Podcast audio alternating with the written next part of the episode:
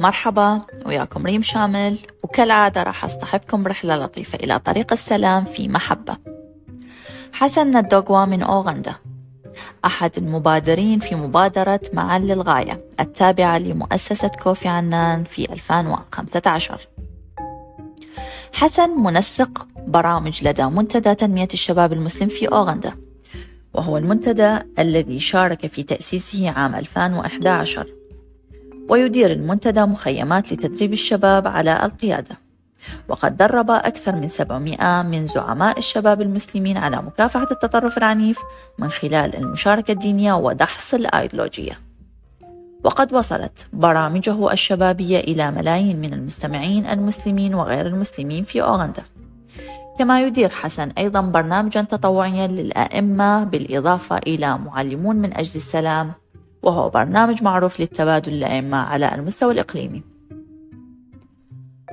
حسن حاصل على شهادة البكالوريوس في العلوم الاجتماعية من جامعة ماكريري وأيضا على درجة, درجة الماجستير في الحكم المحلي وحقوق الإنسان من جامعة شهداء أوغندا نكوزي ما أتى به قلم حسن؟ التمسك بما أؤمن به. تستغل المنظمات المتطرفة الدين لاجتذاب أتباع جدد.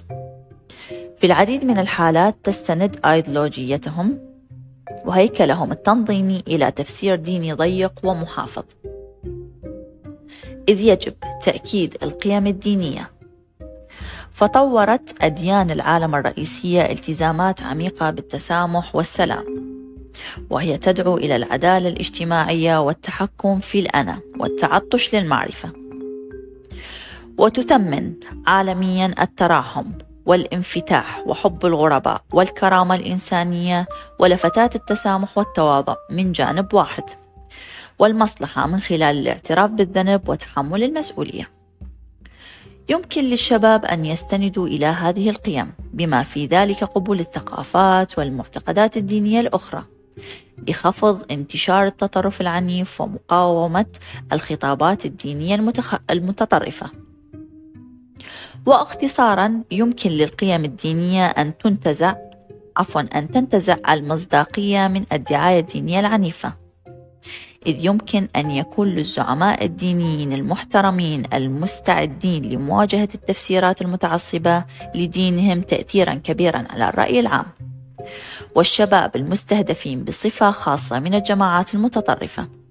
ويمكنهم القيام بالكثير لمنع انتشار التطرف الديني العنيف إذا تمسكوا بالقيم الأساسية لدينهم وتعلموا كيفية تمييز القراءات الخاطئة غير المتسامحة للتعاليم الدينية. وفي هذا السياق فإن القيم الدينية تعد أيضا موردا اجتماعيا وعاطفيا فهي يمكن أن تساعد الشباب في التغلب على الشكوك وإيجاد رؤية قوية وكريمة لدورهم في العالم.